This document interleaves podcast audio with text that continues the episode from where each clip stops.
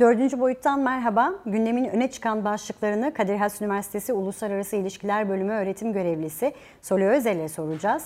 Ve haftaya damgasını vuran ziyaretle başlayalım Soli Bey. Suudi Arabistan e, Veliaht Prensi Muhammed Bin Selman Ankara'daydı.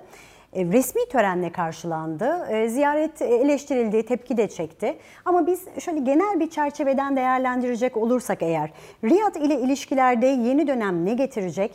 Türkiye'nin Suudi Arabistan'dan beklentisi nedir? Suudi Arabistan'ın Türkiye'den beklentisi nedir? Yani Türkiye'nin beklentisi e, tıpkı Birleşik Arap Emirlikleri'nde olduğu gibi sanırım iki e, katmanlı. Birincisi e, Müslüman kardeşlere vermiş olduğu destek nedeniyle e, bu Körfez'in güçlü iki ülkesi tarafından dışlanmıştı. Türkiye ilişkiler kötüydü. E, konjonktür değişti. Müslüman kardeşler öngörülebilir bir gelecekte bir siyasi güç olamayacaklar. Bu arada Katar da bir şekilde kendi ilişkilerini bu iki ülkeyle geliştirmeyi ya da düzeltmeyi becerdi Amerikalıların da katkısıyla. Hatırlayın şortla filan pozlar verildi.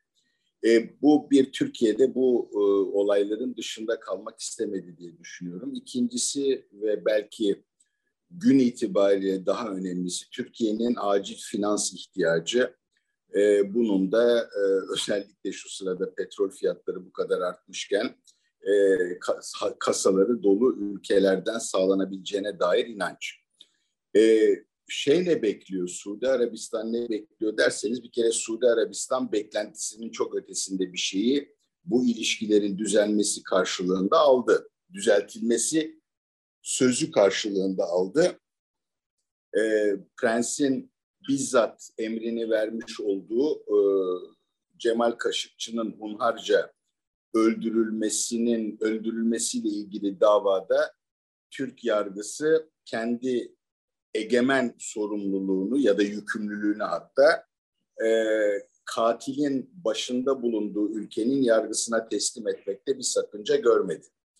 E, bunun çok ben daha önce konuştuk sizinle bunu. Ben bunun çok ağır bir şey olduğunu düşünüyorum Türkiye açısından. Anladığım kadarıyla da kamuoyunun da yüzde altmışı bu yakınlaşmaya çok sıcak bakmıyor. Aslında kamuoyu anladığım kadarıyla Birleşik Arap Emirlikleri dışında yakınlaşmalara zaten çok sıcak bakmıyor. İsrail'le olan yakınlaşmaya da yüzde yetmiş üç pek sıcak bakmıyormuş. Onu metropolün anketlerinden biliyoruz.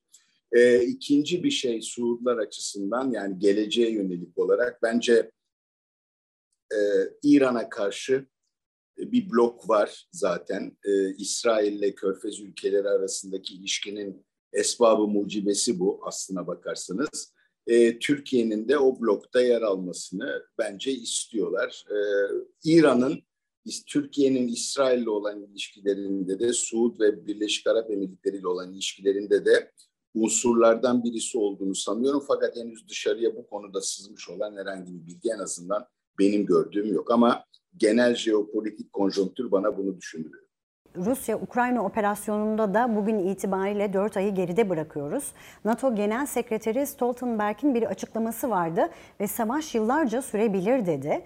Şimdi e, müzakerelerin de aslında tam anlamıyla sekteye uğradığını düşünürsek eğer önümüzdeki günler ne getirecek?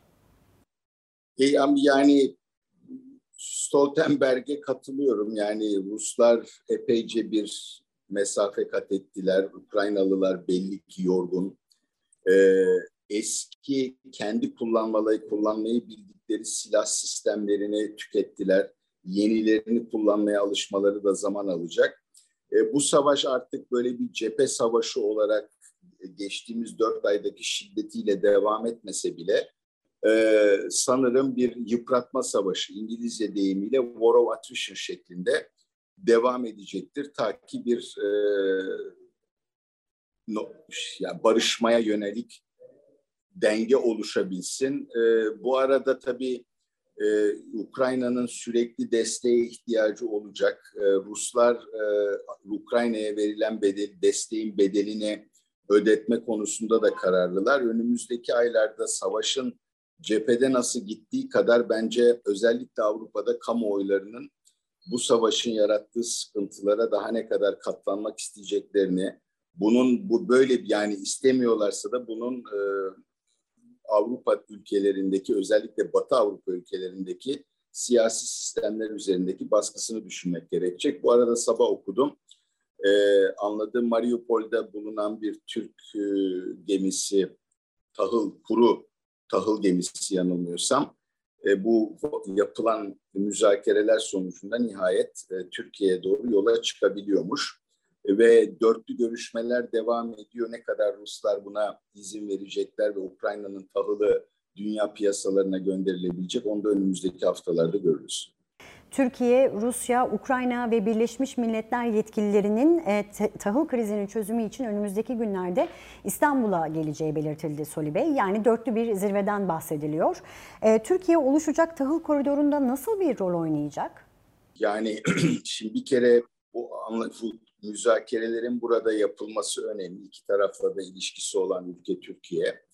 Ee, belki e, NATO üyesi ülkelerin gemilerinin gelmesini de engelleyebilecek olan şey tabii Karadeniz ülkesi olarak Türkiye'nin savaş gemilerinin bu tahıl gemilerini korumak için kullanılmasıdır. Mayın temizlemede Türkiye'nin katkısı olabilir. E, bu arada da tabii Türkiye'nin kendi tahıl ihtiyacı da var. Hatta gübrevini dahil edecekler mi onu hakikaten bilmiyorum. Zeytinyağı, pardon ayçiçek yağının da biliyorsunuz yüzde yetmiş beşi oralardan e, geliyordu. E, bu dünyada büyük bir e, açlık krizi yaratılmasına sebep olacaktı. Bu olacak oluyor bu savaş. E, onu engelleyecek bir şeydir. Dediğim gibi Türkiye'de bu şekilde kendi ihtiyaçlarını da karşılar ama hepsinden önemlisi bütün dünya açısından çok önemli bir görevi de yerine getirmiş olur. Ve sanırım hani imajını da bu anlamda düzeltir. NATO zirvesi de yaklaşıyor. 29 Haziran'da Madrid'de yapılacak NATO zirvesi. Birçok başlık konuşulacak elbette ama ben size bugün Yunanistan ve Türkiye'nin duruşunu sormak isterim. Türkiye ve Yunanistan'ın duruşu nasıl olacak? Ya bu zirvenin en önemli konusu Türkiye ile Yunanistan ilişkileri değil. Ee, Cumhurbaşkanımız ben Mitsotakis diye birini tanımıyorum dediğine göre herhalde pek selamlaşmayacaklar da mesele halinde gündemde olacağını açıkçası sanmıyorum. Ee, orada asıl belki dikkat etmemiz gereken şey sanırım Ankara'dan da arzu edilen şey koridorda bile olsa ayaküstü de olsa acaba Cumhurbaşkanı Erdoğan'la Amerikan Başkanı Biden bir e, bir araya gelirler mi? E, İsveç ve Finlandiya nedeniyle ortaya çıkmış olan kilitlenmenin aşılmasında böyle bir konuşmanın yararı olur mu? Onlardır yani özel olarak ben Türkiye ve yani Türkiye ve Yunanistan'ın e, dediğim gibi gündemde olacağını pek sanmıyorum. Kadir Has Üniversitesi Uluslararası İlişkiler Bölümü öğretim görevlisi Solio Özel dördüncü boyutta yorumladı. Haftaya Perşembe görüşmek dileğiyle.